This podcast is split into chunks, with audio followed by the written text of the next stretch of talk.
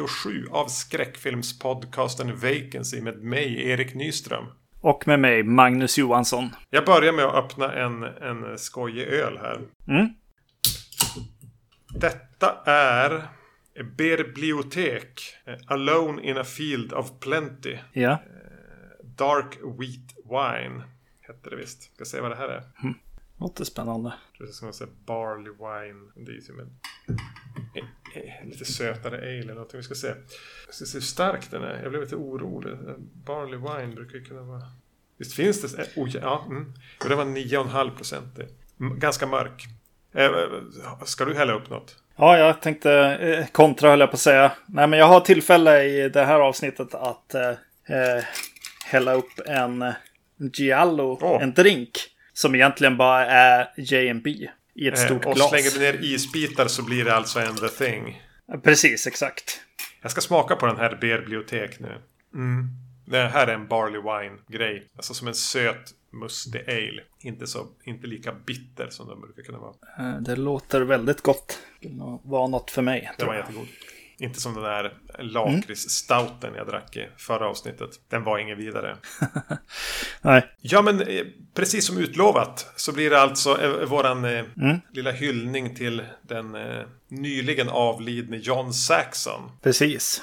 Ska vi utgå från att våra lyssnare är helt på det klara med vem John Saxon är? Nej, det behöver vi inte göra tycker jag inte. Utan eh, han är ju liksom eh, farsan i Elm Street. Ja, Terror på Elm även, Street. han är även snut i Black Christmas. Väldigt älskvärd Exakt. filmpersona. Han dyker upp i mångas favoritfilmer. Eh, i, inte uteslutande eh, mina egna. Nej. När jag tänker på John Saxon, då tänker jag att eh, en, del, en del tänker nog ungefär likadant på eh, Lance Hendrickson, kanske. Ja, just det. Att de upptar på något vis samma plats, kultstatusplats. Precis. Som eh, dyker upp i, i både det ena och det andra, både högt och lågt eh, i genrefilm. Framförallt har ju jag sett honom i, men han har ju gjort annat också. Emil, titta de snackar. Emil har alltid sagt att John Saxon på något sätt är den ultimata filmpappan. Eh, Mycket utifrån Elm Street då, naturligtvis. Ehm, skulle du hellre ha John Saxon eller Lance Henriksen som pappa? Det är nog John Saxon som vinner den, helt klart.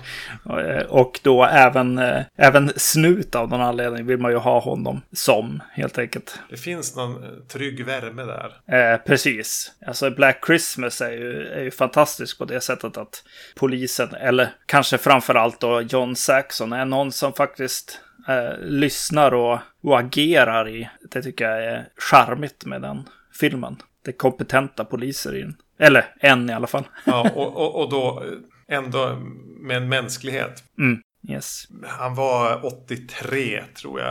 Eh, Mm. Jag tyckte det stod att han dog i lunginflammation. Så man blir ju lite fundersam om han fick något virus. Mm. Ja, men vilka tre filmer med John Saxon i rolllistan är det då vi har sett och ska prata om? Vi ska prata om eh, eh, The Girl Who Knew Too Much från 1963. Eh, regisserad av Mario Bava. Och så ska vi se eh, Blood Beach från 1980. Regisserad av en annan snubbe. Nej, men Jeffrey Bloom heter han. Och eh, sen så ha, har vi då också sett Tenebre från 1982 som är Dario Argentos eh, som sitter i registolen där. Så vi får klämma in två italienska gubbar som vi eh, gillar att- klämma in. Men vi, vi, vi börjar från början. Med den här svartvita, eh, ganska tidiga Bava-filmen. Han gjorde alltså den här samma år som han gjorde eh, The Whip and the Body och var det typ Black Sunday eller Black Sabbath eller någonting som han gjorde samma år. Ja, det är strångt. Ja. Här var, här var före Blood and Black Lace. Den, den utspelar sig i Rom.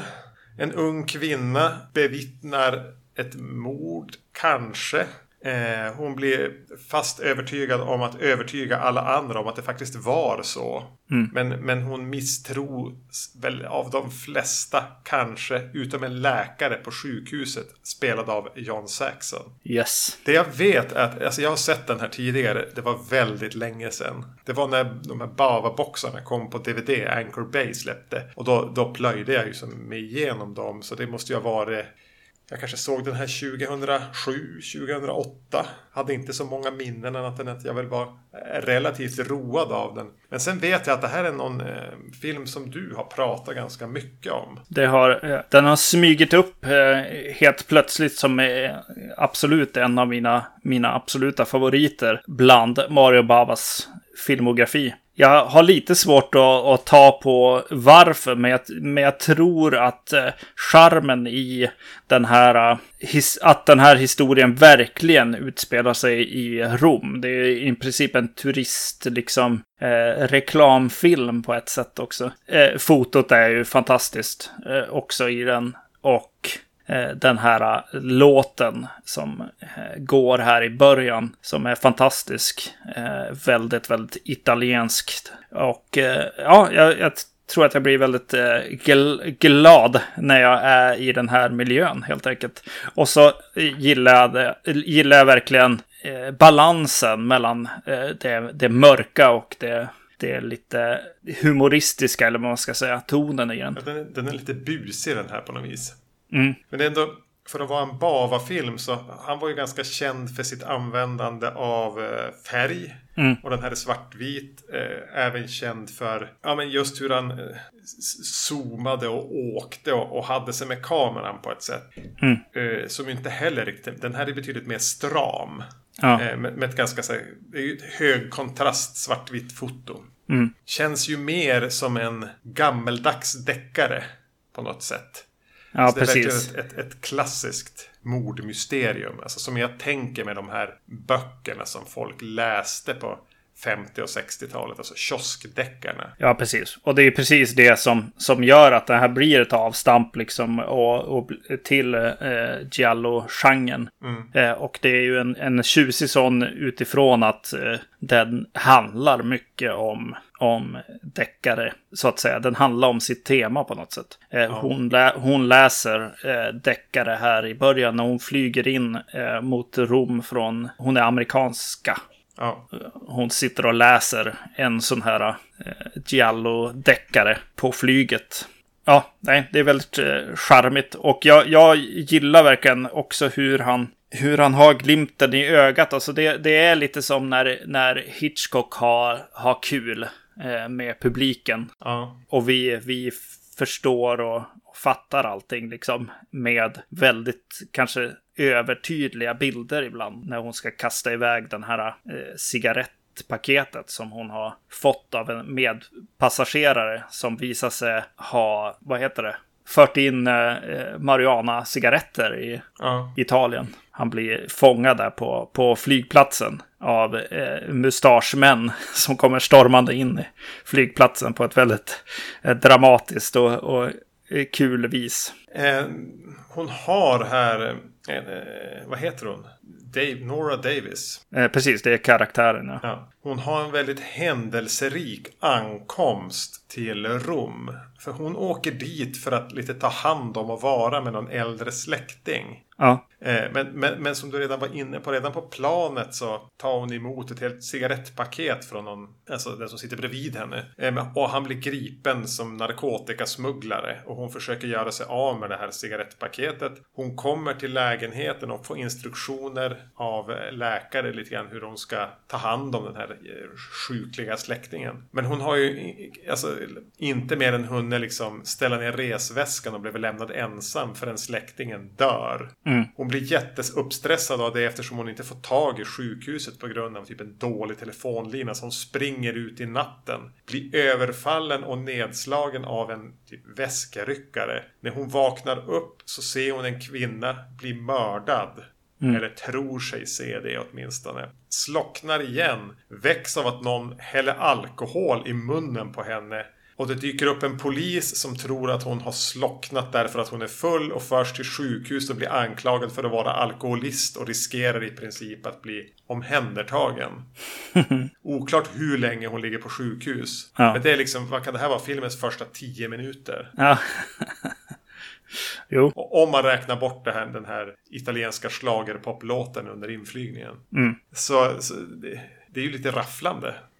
Och, och, återigen lite, lite grann med glimten i ögat. Mm. En sån här kvartsglimt i alla fall. Och han får in liksom eh, både liksom, lite skräckelement där när släktingen här har dött och helt plötsligt rör hon sig i sängen och så där. Ja. Det är roliga saker. Och så sen när man, när hon eh, kommer till trappan tycker jag är en riktigt trevlig eh, scen. Minnesvärd.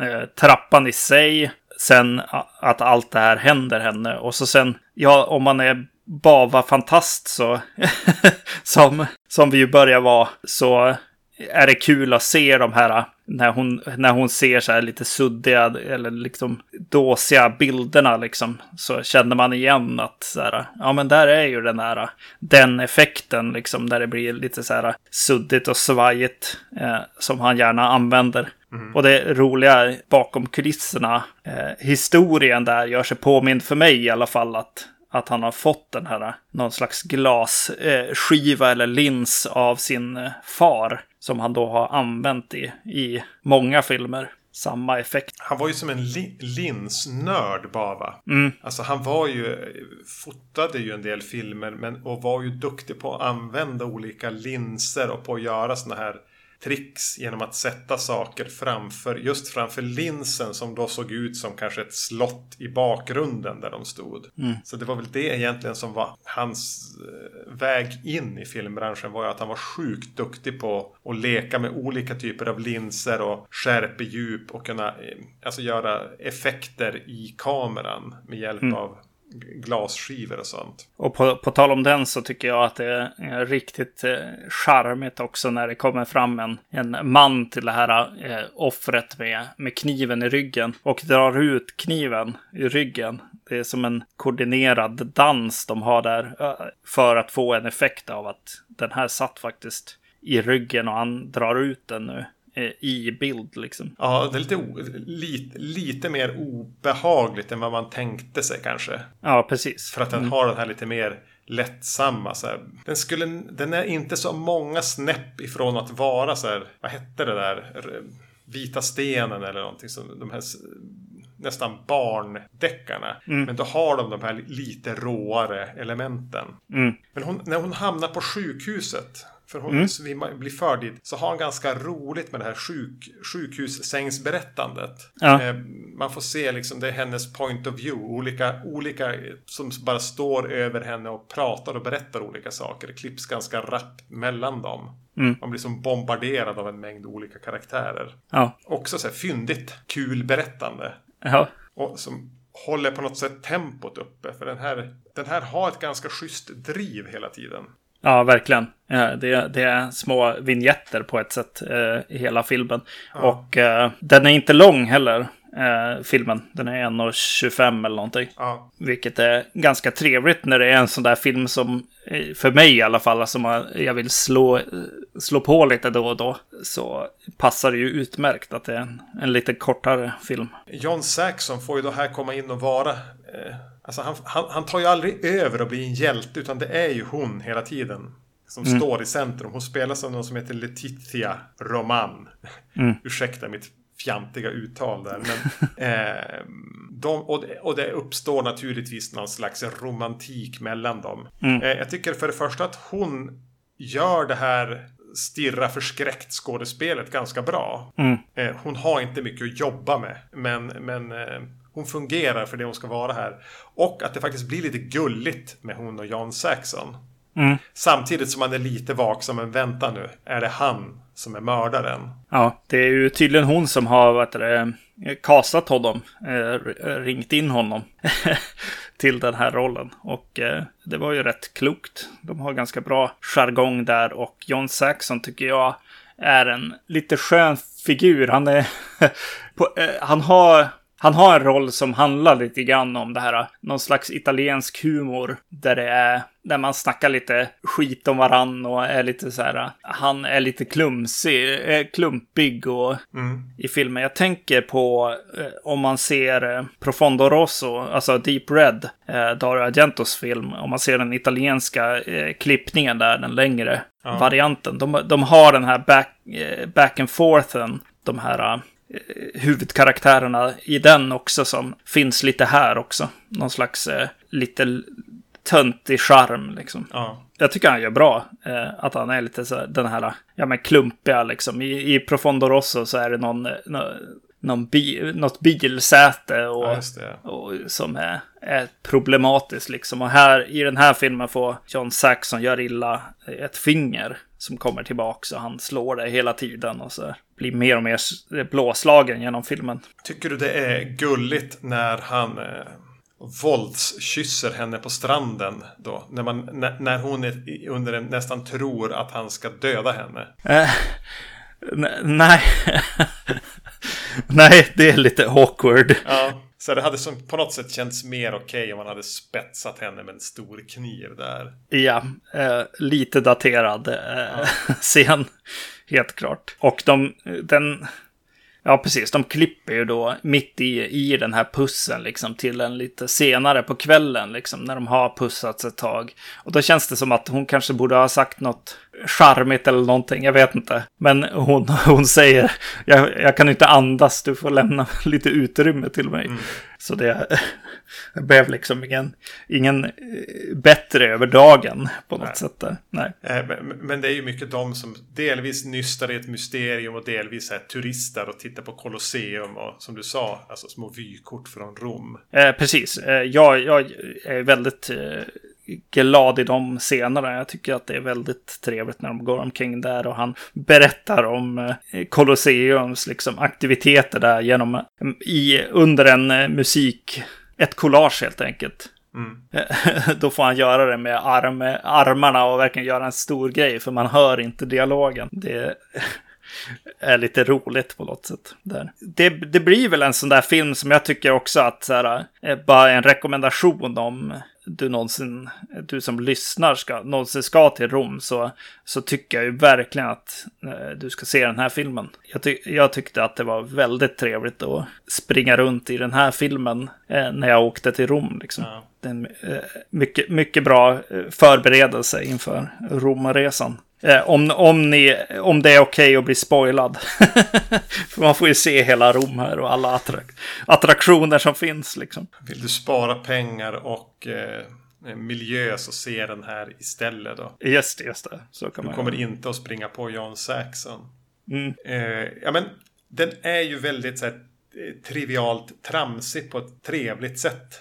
Mm. Eh, som jag, man inte riktigt, om man tänker att man ska se en italiensk skräckfilm, eller det här är väl mer en thriller, måste man ju ändå säga. Mm. Den har ju inte fått det här stiliserade giallo. Det här är ju verkligen en proto-giallo. Mm. Men att den får vara så lättsam och busig. Eh, mm. och, och ganska snyggt hanterad genom det. Men för mig blir den väl kanske lite väl så här, trivial. Just det. Att den som fladdrar förbi lite grann. Men det gör ingenting. Alltså, jag, den, den fyller sin funktion. Den är en, en kul liten så här, fjäril som fladdrar förbi. Mm. Eh, och den är ju, det märks ju även här att Bava hade ju koll på hur man berättar med film. Eh, och, och, att han kan på något sätt här, imitera Hitchcock lite grann. Mm, precis. Och så knyta ihop det på något sätt också med hela deckargrejen. Och, och när hon börjar liksom försöka eh, ordna, eh, ordna grejer utifrån vad hon har läst. Liksom, hon, hon har någon, eh, någon idé om eh, att hon kan sätta, vad är det, kalk eller vad det är på golvet för att se fotspår eller någonting. Jag vet inte riktigt eh, vad hon kommer på. Och så sen eh, binder hon upp hela, hela lägenheten hon bor i i rep. Ja. Som skurken då ska, ska falla in i liksom på något sätt. Det är något charmigt i det och då väljer han då att använda en, en berättarröst. Den ja. tänkte jag fråga dig om, om du, hur du kände inför. Ja, men berättarröster kan ju vara ett stort problem. Särskilt ja. när de kommer och går. Mm. Alltså att när man märker att de används för att eh, men här körde de fast i hur de ska kunna berätta. Mm. Eller att de inte litar på tittaren tillräckligt mycket. Ja. Men här hade jag, här var ju berättarrösten som på något sätt för att få till en liten komisk spin på det. Jag hade inga problem med den. Nej, Absolut precis. inte. Och den sätter den i ett, i ett narrativ att den faktiskt utspelas i en av de här böckerna också. Ja. Eh, det är någon som läser den liksom. Överlag så känns det som en, en film som på många ställen kan, kan mer vara en, en fantasi än en faktiskt händelse liksom. Mm. Utifrån hur mycket som händer och hur mycket liksom, ja men deckare den känns liksom. Alltså skräp, billig skräpdeckare. Ja. Jag tyckte det, det, är också rätt schysst. Alltså Precis. den vill, den vill vara det. Mm. Och det är väl där, där eh, genren finns liksom. Det är billig skräpdeckare liksom. Eh, som, som blev eh, Giallo-genren. Det här är ju inte riktigt där än. Utan det är ju en, en början liksom. Ja, för den här är ju så pass återhållsam och mer Hitchcockig. Mm. Du kan ju nästan vara tio år och se den här filmen på något vis. Ja, men lätt. Ja, absolut. Det här, är, det, här är inget, det här är inget superläskigt. Det här Nej. är ju ett mordmysterie och det är där fokus ligger. Ja, och men det är väl som vanligt med Bava. Alltså, det här fotot tycker jag är fantastiskt. Eh, och eh, ja, men särskilt vissa så här som, som alltid dyker upp om man skulle googla den här filmen. Liksom bildgoogla den så får man de här ögonen i dörröppningen och, och så där som är, är, är fantastiska bilder. Liksom. Mm. Du har inte köpt Arrows Bava-boxar än då? Och fått filmerna styckvis eh, över? nej, nej, det har jag inte gjort. Nej. Jaha. Jag väntar på det. Ja, yes. Som en gammelgädda i vassen. Ja. Eh, vi, vi går vidare. Alltså jag, eh, nej men, eller gör vi det? Jag, jag vill bara säga att det här är en av mina, mina nuvarande liksom, favoritfilmer. Och jag, jag ser den eh, lite då och då. Eh, en gång per år i alla fall. Jag, jag, ty jag, tycker verkligen att den är mysig att se, eh, helt enkelt. Du ser den här på årsbasis. Jag har en annan italiensk film jag brukar försöka se på årsbasis och det är Antonionis La Notte. Ja, just det. Så det kanske säger någonting om skillnaden mellan dig och mig. se, se den här och eh, La Notte tillsammans. du får lite annan. Säger inte att nödvändigtvis att, att La Notte är så, så fantastiskt mycket bättre, men det avslöja mer om de här två poddarna. yes. Ja. Yeah. ja, men vi ser den, för fan. Mm. Eh, men förvänta er inget mästerverk. Ja, fast det kan ni göra. Eh, då ska vi se Blood Beach från 1980. På tal om mästerverk alltså. Precis, Jeffrey Bloom Eh, heter regissören och han har väl inte gjort så mycket, men han har gjort en film som heter Flowers in the Attic som, som finns på Blu-ray har jag sett. Jag vet inte, jag kanske till och med har köpt den. Men jag har men inte sett den. Arrow släpp så jag tror att du har den i hyllan. Jag har ju säkert det, men jag har inte sett den. Nej, inte jag heller. Men jag, jag vet ungefär vad det, vad, vad det är för någonting. Men nej, det här är ju någon som gjorde filmer sent 70 och 80 och sen gjorde lite tv och sen har väl som försvunnit. Och den här eh, vet vi inte vad den handlar om. Eller vi visste inte det på många, många år. Tills, eh, tills nu egentligen. Ja, fast jag måste erkänna att jag har sett den före nu. Men, ah, okay. men för vi har ju en historia med den här filmen. Precis. Eh, som på, handlar i, om, uh, involverar Ronny Svensson. På, på eh, i gymnasiet var det väl förmodligen så Eh, sätter jag igång för att spela in den här filmen från eh, eh, Ronnys rullar som gick på femman. Mm. När vi då sätter oss och ska se den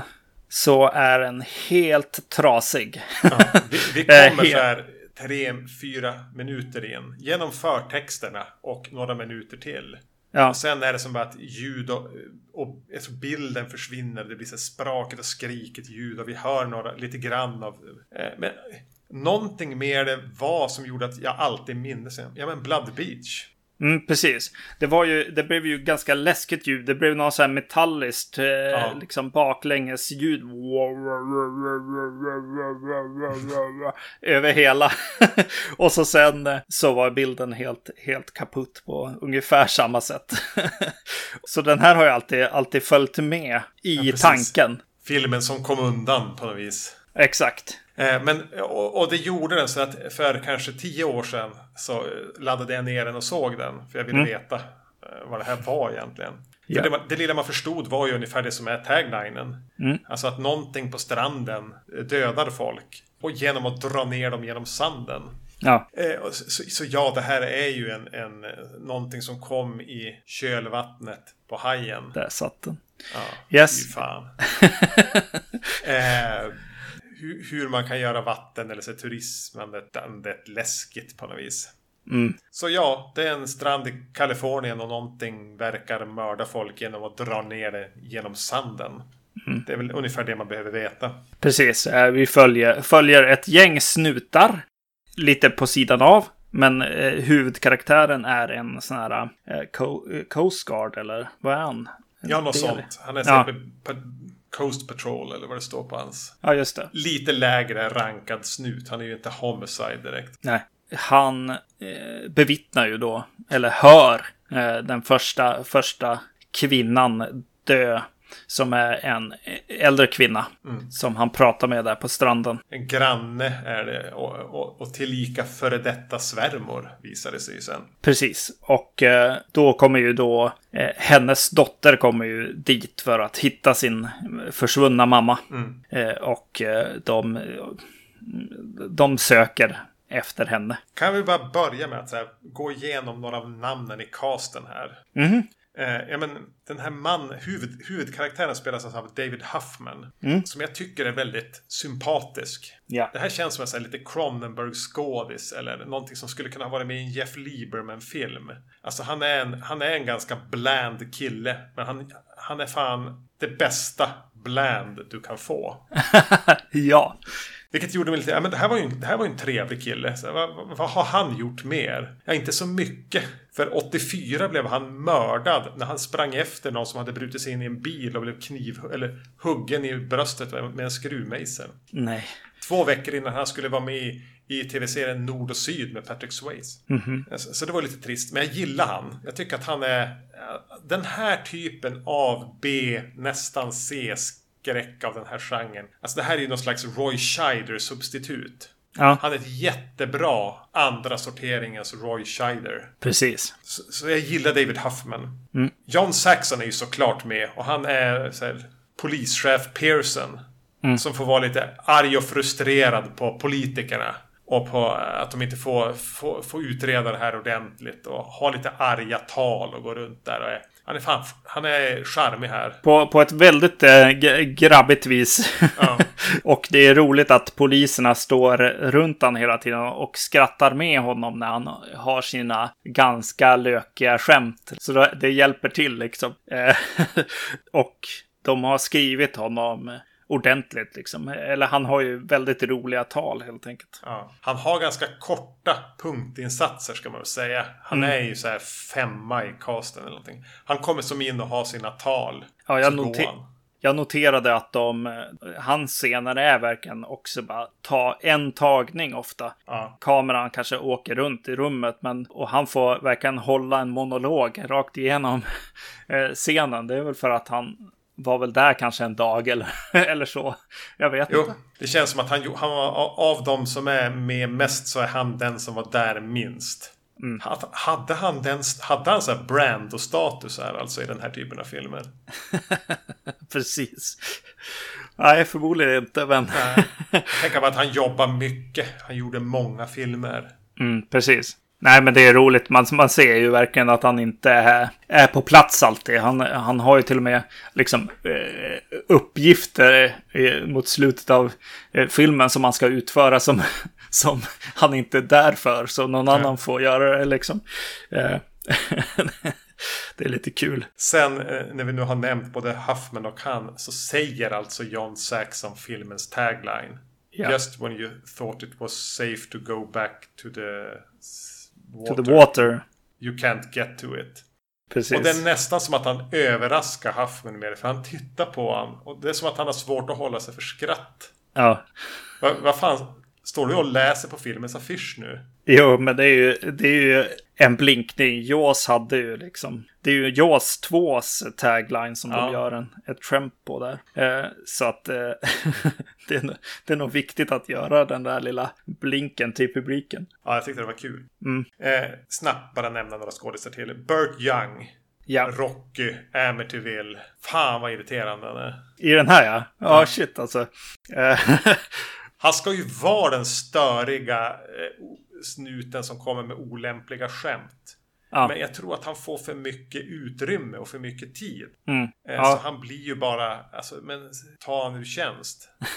Den här regissören kanske verkligen hatar Chicago där han kommer ifrån. Ja. Han säger hela tiden, i Chicago gör vi så här, i Chicago gör vi så där. Men... Eh, och så ja. plumpa, plumpa skämt liksom inför offren i princip.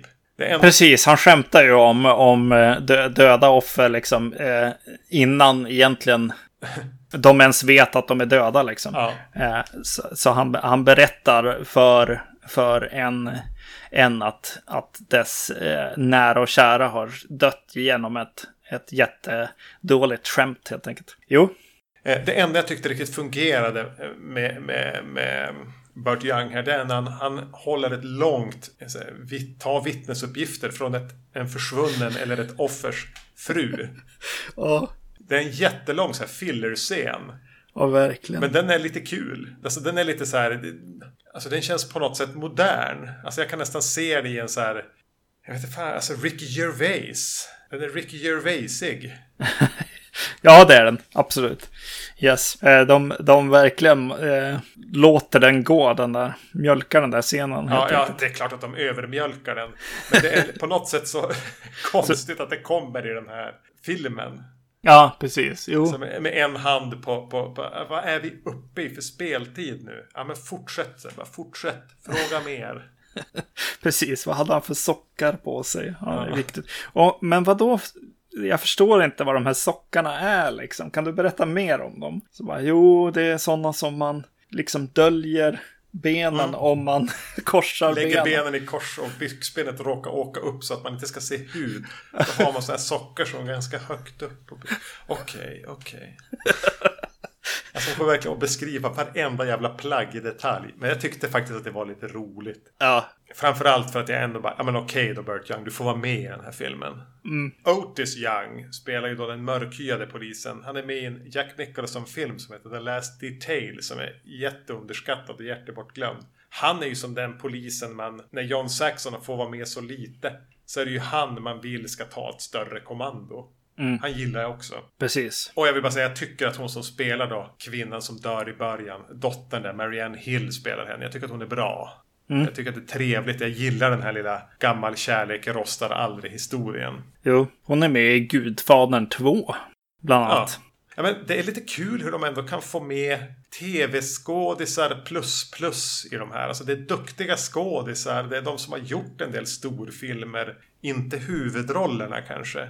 Nej. Men att man bemödar sig med att kasta rätt kompetent folk om man skulle göra en sån här schlockfest. Jo, men ex exakt på ett sätt så siktar den ju ganska högt. Även om, även om den liksom är väldigt så här bara. Eh, det är en Jaws eh, rip-off liksom. Det är till och med eh, politiker som inte. Eh, som försöker sopa det under mattan liksom. Ja. Eh, det, är, det är hela vägen liksom en Jaws rip-off. Men den, den har en liten känsla av, vad ska man säga, eh, The Blob eller, mm. eller så. Något, någonting som har lite mer så här större värde ändå eh, på något sätt. Eh, det, är väl, det är väl att de gör den här rippen på Jaws via att även ha med eh, staden mycket. Och mycket bara stå och chitchatta och, och ha dumma dialoger eller liksom snacka om eh, när bandet ska spela ikväll och sådär.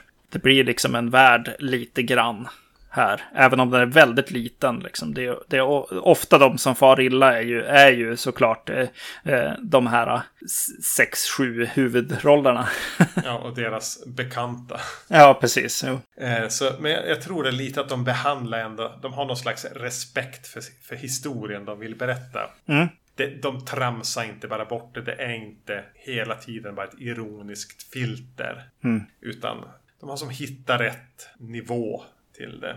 Eh, en film som jag tänkte på när jag såg den här. På grund av eh, kanske mycket looken, årtalet som den är gjord. Eh, att det är lite så här skådisar. Så, så kommer jag att tänka på att eh, ungefär samtidigt här så springer Joe Spinell eh, runt med William Lustig och Caroline Monroe eh, på andra sidan landet och, och spelar in sin Jaws på land, Maniac. Ja, Mm. Och eh, det, det, det, finns någonting något som är lite likt i ruffheten och i foto och i liksom kanske klippning och, och så också. Och de här karaktärerna liksom. Som eh, har en liknande B-films-charm. Men B-filmen, genre B-filmen, pikade ju här någonstans. Typ mm. 80.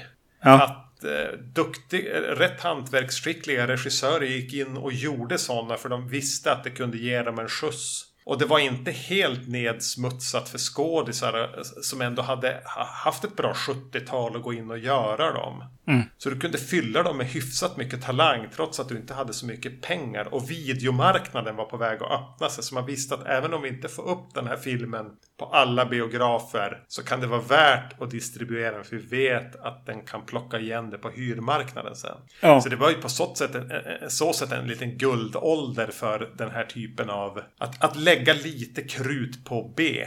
Mm. Um, och jag tycker den här har ju, alltså det märks ju att, att den här Jeffrey Bloom, vem fan nu han är. Mm. Han har ju lite ambitioner. Alltså det är en del scener som har filmiska grepp. Jag vet inte någon, den här upptrappningen till när en kvinna blir överfallen av typ en våldtäktsman under en pir. Mm. Parkera en cykel tror jag.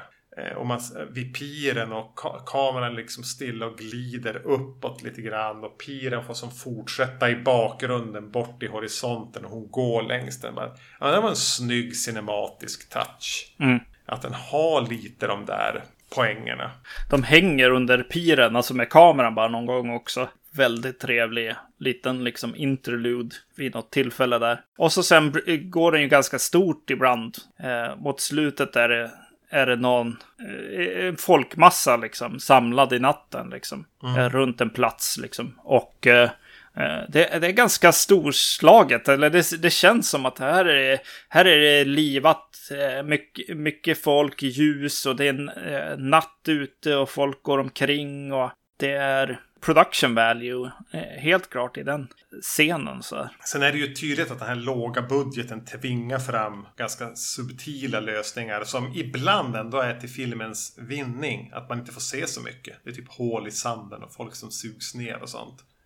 Hyfsat bra effekter i det när de ja. sugs ner. Ja, precis. Det här hotet eh, får ju aldrig riktigt synas eh, så tydligt och det är ju positivt. Eh, och även, även om man ser detaljer så kanske man inte ser liksom hel, hela vidden av, av vad det är för någonting. Nej. På ett bra sätt. Eh, det, det kommer dock en scen i, i mitten. Det är en, någon, någon eh, en kvinna som dras ner i sanden. Och så sen klipper man till som någon slags mörk ett rum där hon, hon ligger väldigt lättklädd helt plötsligt och eh, blir biten av ett monster. Eh, och det kändes, så, det kändes så off. Det kändes som att det var en bortklippt scen i den. Jag vet inte vad. Den var inte med i den jag såg.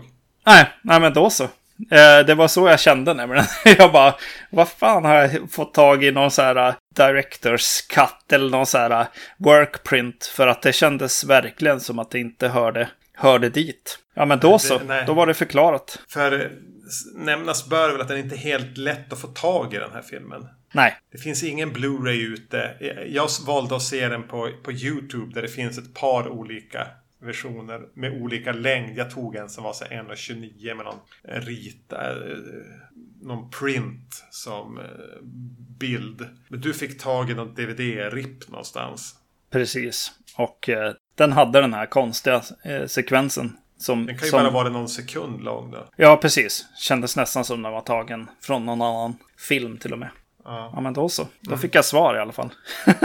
På tal.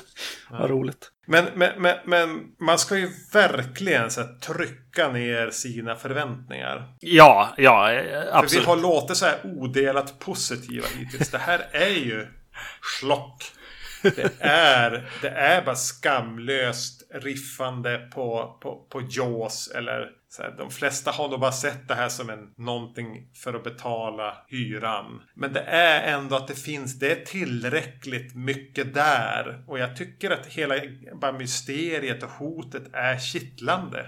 Mm. Vad fan är det under sanden? Ja. Som gör att den här nästan lite ofrivilligt blir lite bättre än vad den är.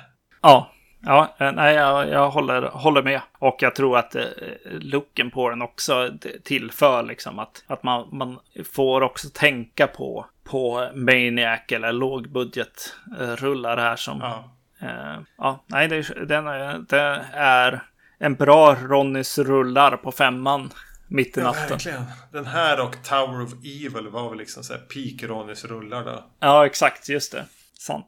Eh, jag tyckte även att det här apokalyptiska slutet var eh, små, smått magiskt. Ja, eh, absolut. Under eftertexterna. Att det sker under eftertexterna. Mycket bra. Ja, ja, nej men då... Fan vad vi gillar den här filmen. Ja, ja, då går vi till... Ja, men den var värd att vänta på. Eller visst var den det? Så ja, det, ja, det tycker jag. 25 år senare för dig. Yes, eh, absolut. Eh, då går vi till Tenebre från 1982, vilket är väldigt tidigt eh, känner jag. jag. Jag tänker alltid att den här är liksom på gränsen till 90-tal. Ja. Men den är från 82. Ja, jag har nog daterat den. Jag trodde den var från 80.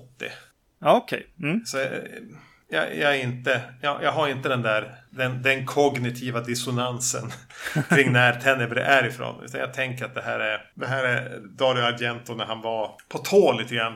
Jag vet inte om vi pratade om det här i avsnittet när vi gjorde Madres-trilogin. Det gjorde vi säkert. Men jag vill bara fråga dig eh, om du har blivit klokare sen sist. Varför heter den här Tenebre när den finns en av dem. Mater Tenebrarum finns. Så att alla måste ju ha trott att det här var den andra delen i Madrus-trilogin. Ja, eh, det är ju väldigt konstigt val här. Eh, som någon har gjort. Om det är... Jo, i och för sig, de, de har ju faktiskt eh, omslaget på boken med. Så att de har ju döpt den här filmen innan den är släppt. Det var som att de hade den titeln och så bara, ja men nu ska vi göra andra, andra Mothers-filmen här. Ja. Eh, Tenebre ska den heta. Och så kommer de ingenstans. Nej. Så gjorde de det här istället, men behöll titeln. Precis. Och det är väl det enda jag kan komma på. Ja. För det är jätteförvirrande. Mm. Det stör lite grann. Alltså den här hade ju kunnat heta vad som helst. Mm, verkligen. och, och eh, ja, precis. Det finns ju mer saker med den som är lite konstigt också. Eh, utifrån vad Tenebre betyder väl typ skuggor eller skuggan. Ja. Ja, det är The Mother of Shadows. Ja, precis. Men vi, vi, vi kanske kommer till konstiga dit. saker med den här. Mm. Det här var kanske den tredje Dario Argento-filmen jag såg. Den första var nog Fenomena. Nummer två var Suspiria. Jag tror det här var den tredje. Mm. Det är en ganska klassisk giallo om en eh, amerikansk författare som åker på bokturné till Rom. Mm. Och någon börjar mörda kvinnor och trycka in sidor av hans böcker i munnen på dem. Mm. Och även skicka brev till författaren. Vad han heter? Peter Neal. Mm. Han spelas av Anthony Franciosa. Och jag vill ja. bara börja rakt ut med att säga att jag gillar verkligen han i huvudrollen. Ja. Han är nog en, alltså av Argento har ju ofta de här hopplösa jävla döhögarna till män i huvudrollen. Mm. Men han måste ju kanske vara den bästa. Är inte han till och med bättre än, än David Hemmings i Deep Red? Jo, jo det är han nog. Eh, absolut, han passar skitbra i, ja. i karaktären och ja, förhöjer filmen helt klart. Just att den börjar med att han kommer att cykla i den här blåa vindoverallen och, och bockstyre. Och jag bara, han har ingen hjälm på sig. Sa jag i princip rakt ut i min ensamhet när han cyklade i trafiken. Yes. Mm -hmm. Ja, han har ju en stab runt sig. Det, det visas ju då också vad det, med att eh, när han har eh, kommit fram till flygplatsen så eh, hjälper hans eh, kompis eh, honom. Han har kört före med en bil och eh, ger honom sin pack, hans packning och eh, sätter cykeln i bilen igen. Ja. Det är lite roligt liksom. Det, det, det, är någon framgångsrik person här, helt klart, som vi ska följa. Alltså den här filmen öppnar ju med Goblin-musik. Eh, mm. Eh, den här eh, huvudtemat. Bow, bow, ja, ja. Yes. och där, där är det lite som eh, i fre, eh, fredagen 13. Chichi mamma. Eller den kill mom. Eller mom kill grejen där. Som fredagen 13 har i sitt, sitt ljud. Ja. För eh, de sjunger med en voice-modul, Paura, om och om igen. Är det det? Visst är det skräck eller någonting? Ja, precis. Ja. Jaha, är det det de låter? För man hör ju att det låter som, alltså, ja. som en röst. Ja, precis. Ja, jag trodde det bara var en så här sjukt förvrängd eh, synt från 77. Ja, nej, jag var, jag var på livekonsert och då, då sjöng de med, med någon mick där till den här eh, keyboardisten på Goblin-konserten. Eh, mm. Fick, fick säga Paura om och om igen. Ganska soft, soft eh, sånginsats ändå att göra. Ja. Stå och säga Paura i mick. yes. 200 gånger. Ja, det är lite, lite som eh, Suspiria som har liksom sin, eh, lite av en spoiler i sina första liksom, eh, låtar där. När de bara skriker witch, typ. Visk-skriker. Men alltså musiken, eh, Goblin, ett av de bästa soundtracken. Nu, nu prövar jag igen så här, okej, okay, Franciosa är bättre än Hemmings. Är det här soundtracket bättre än Deep Red? Det är ju ett väldigt, väldigt bra soundtrack ja. i den här filmen. Helt klart. Men jag måste säga pass än så länge. Ja. Det var länge sedan jag såg Deep Red. Så, men, den, den ligger före för mig just nu. Ja. Men jag minns när jag såg Tenebrae första gången så var jag ju lite, då, lite inne och ville ha den här eh, färggotiska eh, skräcken. Mm. Och så fick jag det här där allting känns det, var mitt minne utspelar sig i en så här blek ljus dagtid. Mm. Där allt är så här lite krämfärgat, beige, på sin höjd brunt. Mm. Att jag var lite besviken på looken. Men när jag ser den nu, den är ju jävligt snygg alltså i sin färgkodning. Ja, precis. Eh, och det är det som sätter eh, den filmen senare för mig. Att, att eh, jag, jag ser inte det här som 82. Just Nej. för att han har, har lagt det på en, nästan en futuristisk nivå. Liksom. Ja men verkligen, det känns som så här lyxiga hotell från 88. Look på mycket. Mm, precis. Och av någon anledning återkommer det här med naken betong hela tiden. Mm. Flera viktiga scener utspelas inne eller ute. In, som någonting man har byggt i Minecraft. ja, yes. Fast med en, med en eh, plågad skugga som ligger på den mot betongen ja. där. Jag vet inte hur det är i ditt, din Minecraft. Minecraft-värld, det kanske är så där. Men ja, det, det, är möjligtvis min egen spegelbild i tv ändå. Så. Mm. Eh, så, men men det, är en, det är en ganska distinkt annorlunda look jämfört med Suspiria om man, om man gillar det där färg, eh, mustiga röda och blå färgerna. Och så är det här mycket, så, så, så mycket eh, ja, futuristiskt 1980-looken. Mm. Men, men nu när jag ser den så jag tänker att den blir som bara snyggare och snyggare ja. för varje gång. För att den passerar som en lite mer en elegant mm. dagsljus-thriller. det, är, det är Dario Argento här. Han, han, är ju den här författaren, gissar jag på. ja, gud ja. De, de kommer dit. John Saxon spelar för, för övrigt hans agent. Om vi inte har redan sagt det. Ja, just det. Kan vi bara prata klart om John Saxon innan vi går in på Argento ja. som författaren här. Berättade för då Emil tittade och snackade att jag skulle eh, spela in om den här och han hade, han hade nyligen sett henne och lite annat Argento och så yeah. oväntat positiv. Men han sa i alla fall det att alltså Saxon är så jävla charmig och söt i sin hatt. Ja. och han börjar ju så ha just köpt den och stå och babbla om den där hatten han har köpt och, och de har så här, men faller den inte av om du gör en hastig rörelse då? Nej, nej, nej, kolla det här. Så står han typ och snurrar på huvudet. Som en femåring. Ja, precis. Han känns lite dum. Men ja, han är ju kul. Han är ju charmig här. Ja. Det är ju också en grej som återkommer i Giallo-genren lite grann. Att, att någon hakar upp sig på någonting. Eh, alltså typ att kaffet smakar dåligt eller vad det nu kan vara liksom. Det är alltid, alltid dåligt kaffe i någon scen liksom. hos snuten. I det här fallet så är det ju John Saxons eh, hatt som man får följa liksom på äventyret. Jo, nej, men han är, han är absolut eh, charmig och får leda filmen lite grann framåt. Mm.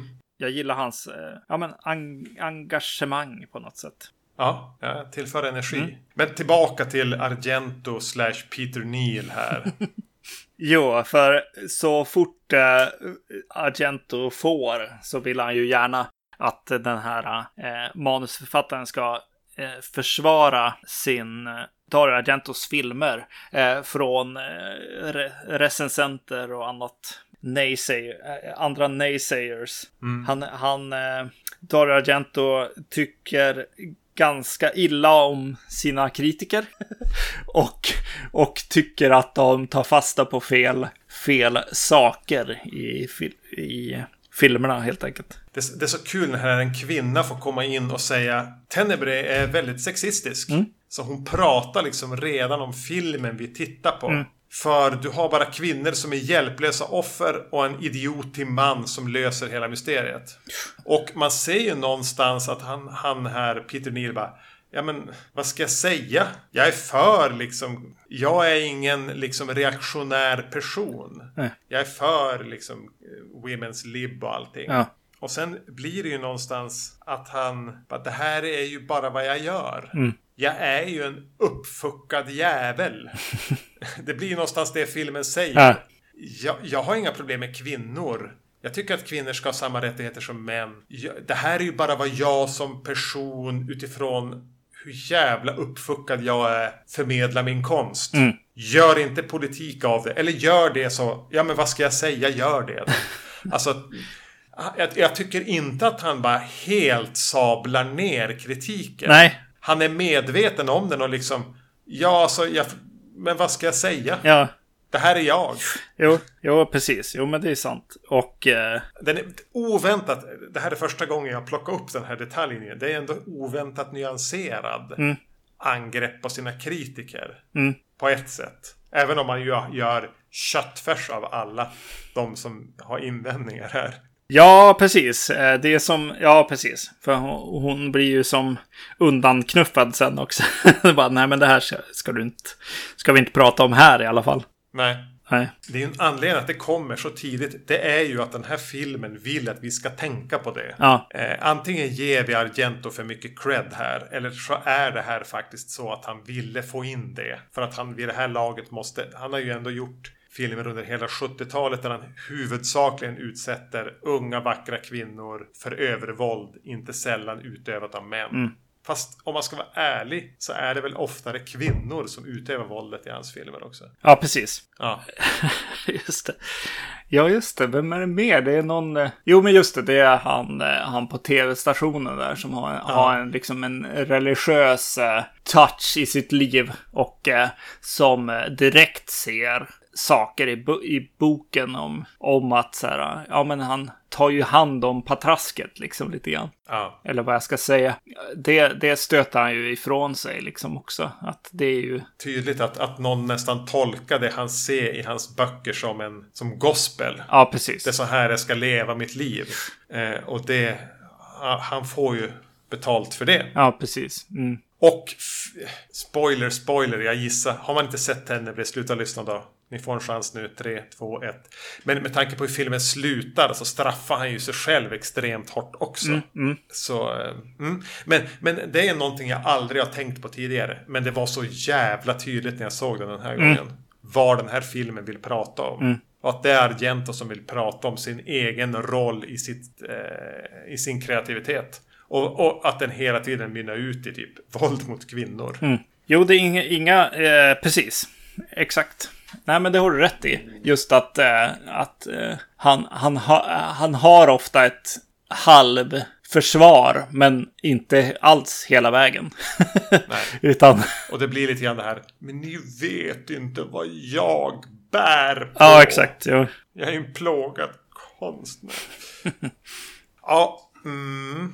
Tänkte du på dubbleringen av två scener här? Eh, första offret blir jagad av en uteliggare och ett senare offer blir jagad av en hund på exakt samma sätt. Just det. Mm. Mm. Det är väl det här som vi tror jag snappade upp på tidigare. Det med att man behandlar liksom psykisk ohälsa, fattigdom, uteliggare som nästan som monster. Mm. Och här för mig blev det som att det blev en parallell till, alltså scenerna är så lika. Hur de på något sätt blir jagade och stressade av en uteliggare eller en hund. Mm. Vilket leder dem till en situation där de blir mördade av mördaren. Mm. Ja, det var lite märkligt. Av det sofistikerade samhället också på något sätt. Eller ja. vad man ska säga. Eh, det känns också som att han eh, har hittat sin, sin formula i den här filmen. Men det, det kanske kommer med det vi just pratar om. Att så här, ja, men han pratar kanske om sitt, sitt hantverk och sitt liksom konstnärskap. Så att det kommer liksom eh, musiken, det kommer liksom kameraåkningar som är spektakulära och eh, det kommer kameraåkningar på och stillbilder på väldiga när, närbilder på olika objekt eh, som är väldigt eh, väldigt Dario Argento. Det här är väl den, är, är inte det här den mest som är intresserad av arkitektur? Alltså att den verkligen ska fånga upp så futuristiska byggnader och detaljer. Precis, det är ju en till, till, till calling card som man har, helt ja. klart. Så ja, eh, jag, jag tänkte mest på att så här, ja men här har nog bara blivit lite grann av att det blev en eh, stöpt i en formula liksom. Men eh, det hör kanske till, till historien på något sätt att, att reflektera över, över sitt skapande liksom. Över, eh, ja men kristallfågeln gör sig nästan påmind här också. Fast, mm. fast i metallform. Mm, ja. Mm. Jag tänkte på, på det. Så vid ett tillfälle, den här Peter Neal flyttar ju till typ ett lägenhetshotell eller ja, någonting när han kommer dit. Mm. Så vid ett tillfälle så lämnar de som lägenheten och kameran dröjer kvar där inne i mörkret och glider åt sidan och visar något så här blänkande, glänsande föremål i mörkret. Ja. Som att vi ska ta fasta på det. Mm. Vad fan är det? Uh, för, först, uh, ja precis. Jag tänkte ju på skärvan i Suspiria till exempel. Som lyser sådär på det där sättet. Ja. Uh, jag tänkte på The Bird with the Crystal Plumage, fjädrarna. Och så sen tänkte jag ju på att det är en premonition till slutet. Ja, det konstverket i slutet som får en viktig roll. Ja, precis. Ja, det kanske är det. För jag, för jag tänkte bara, ja just det, det är det där konstverket som blir viktigt i slutet. Mm. Men det är ju bara eventuellt likt det. Ja, precis. Ja. Jo, det är som bara en, en del på vägen liksom dit. Nej men, eh, ja precis. Sen, eh, jag vet inte, det, det är inte så viktigt. Men eh, jag snappade upp att båda hans lärjungar, Lamberto Bava och eh, Michel Suavi, dyker upp här. Suavi i, i två roller eh, och kanske en tredje skulle jag säga också. Oj, det missar jag helt. Berätta mig. Eh, Var är Suavi med? Eh, Suavi är Marias pojkvän som kör eh, motorcykeln. Eh, lite, den är väldigt svår att, att, att, att, ta. Men sen i en eh, flashback till den här kvinnan eh, på sanden med de röda skorna. Med de röda mm. skorna, ja. Precis. Det kommer en till flashback. Inte den här eh, väldigt eh, på, på, påtagliga scenen. Utan, utan en senare. När hon blir mördad. Så ja. går hon med en, en person. Och eh, det är Michelle Suavi. Och så sen tyckte jag mig se han stå i, en, i ett café när de går och ska beställa något kaffe eller vad det är så står han med nacken mot kameran och, jag, och jag vill nästan slå vad om att det är han. Lite, lite lätt blond, blonda lockar. Mm, precis. Va, va, eh, Lamberto var namn såg jag, men är han med även? I... Ja, precis. Han är en repairman i, vad heter det, för hissarna ja. där. Jo, de kommer En där. av de två. Ja, alltså det känns som att vi inte har nämnt några av liksom mordsekvenser, men de är ju liksom på både, både häftiga och eh, lite upprörande ibland. Jag tycker, tycker ju om när han gör de här storslagna grejerna liksom. Kameraåkning. Kameraåkning över det här futuristiska huset. Eh, precis. Med det här ja. eh, lesbiska eller bi, bisexuella paret. Eh, som blir attackerade där och musiken och och kameraåkningarna och, och allting. Det är liksom häftigt och, och även alltså sen, det tas ju bilder på dem och mm. Eh, de är väldigt ikoniska på något sätt. Det kanske är just att de är, de blir foton också, men, men just i den scenen så är de ju inte foton utan del av scenen så att säga. Mm. Det är en, en fartfylld attack kanske man ska säga. Ja, den är häftig, alltså bara Ja, ja det, det, det, är ju elegant genomfört. Det blir som en ballett på något vis. Med så här, kolla vad jag kan göra med en kamera och en kran. Gör om det här. ni. Ja. Um. Och, och hund, hundjakten är ju eh, också spännande liksom. Och eh, hunden är ju vältränad så att säga. Jävlar vad den klättrar och har sig. Och jag tycker att hon är skitbra. Det här är hon som var med i någon av, av de här La Casa-filmerna va? Det är hon som är Precis. jagad av hunden. Precis, hon var med i La Casa 3 ja. tror jag. Jag tycker att hon är skitbra. Ja, eh, verkligen. Och eh, samspelet.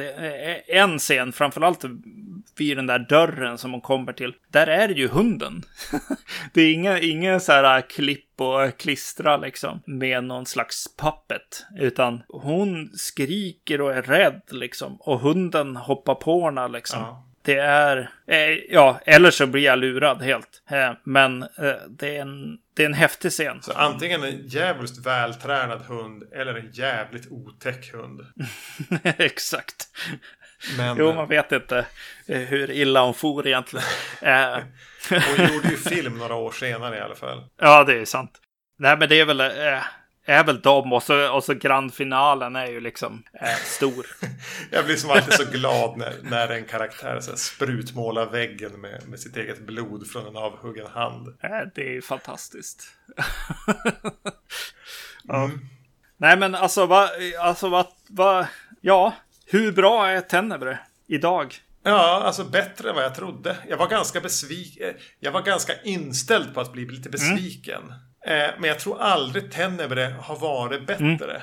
När jag har sett den. Samma sak vet jag att jag sa eh, när vi gjorde Mothers-trilogin avsnittet om eh, Inferno. Mm. Att bara, men Inferno blir bättre och bättre varje gång jag ser den. Mm. Men, men, men ehm, när, när Suspiria kanske pikade första gången jag såg den. Sen har den, ligger den ju kvar högt. Eh, så tror jag även att Tenebre, den kan fan bli bättre om jag ser den igen.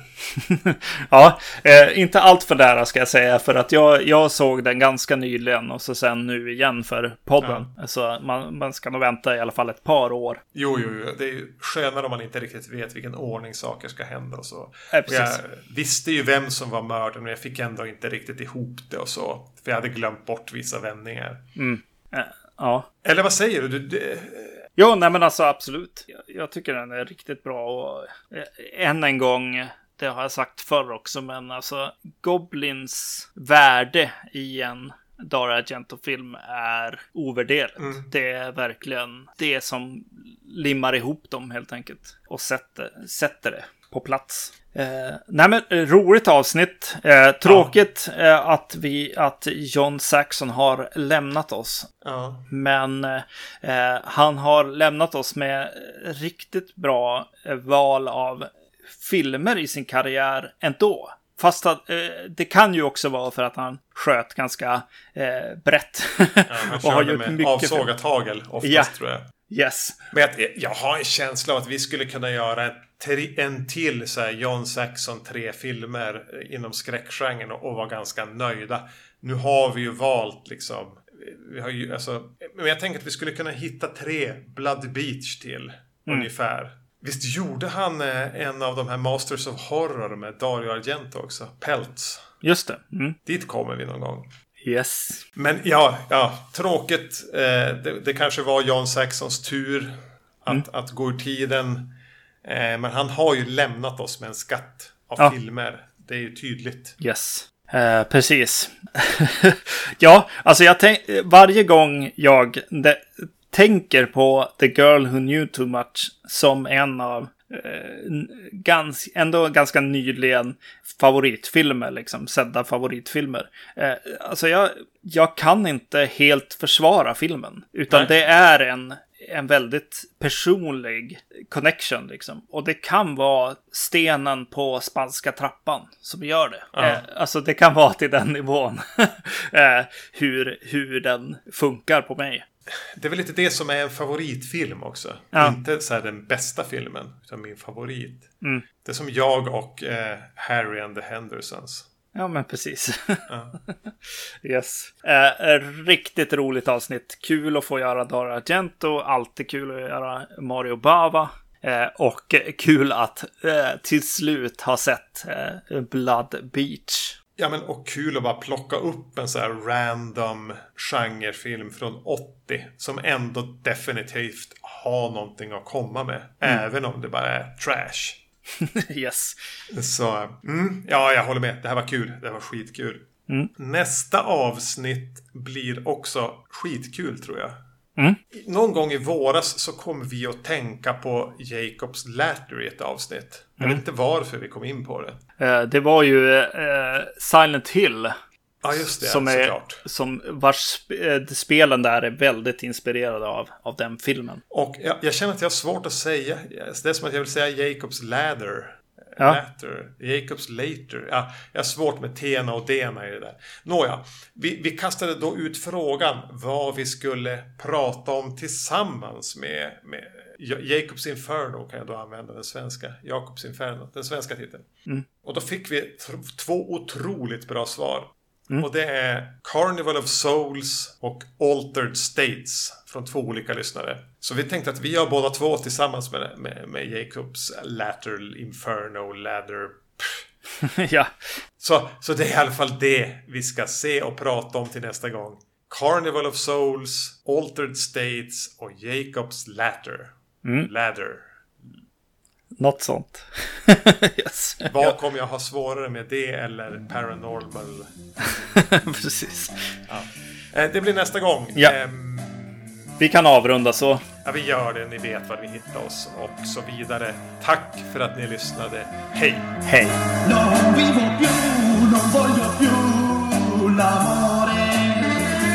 Perché l'amore vuol dire amare solo te Voy a sufrir, sufrir tú, te odiaré. Dimenticar cosas está a perder.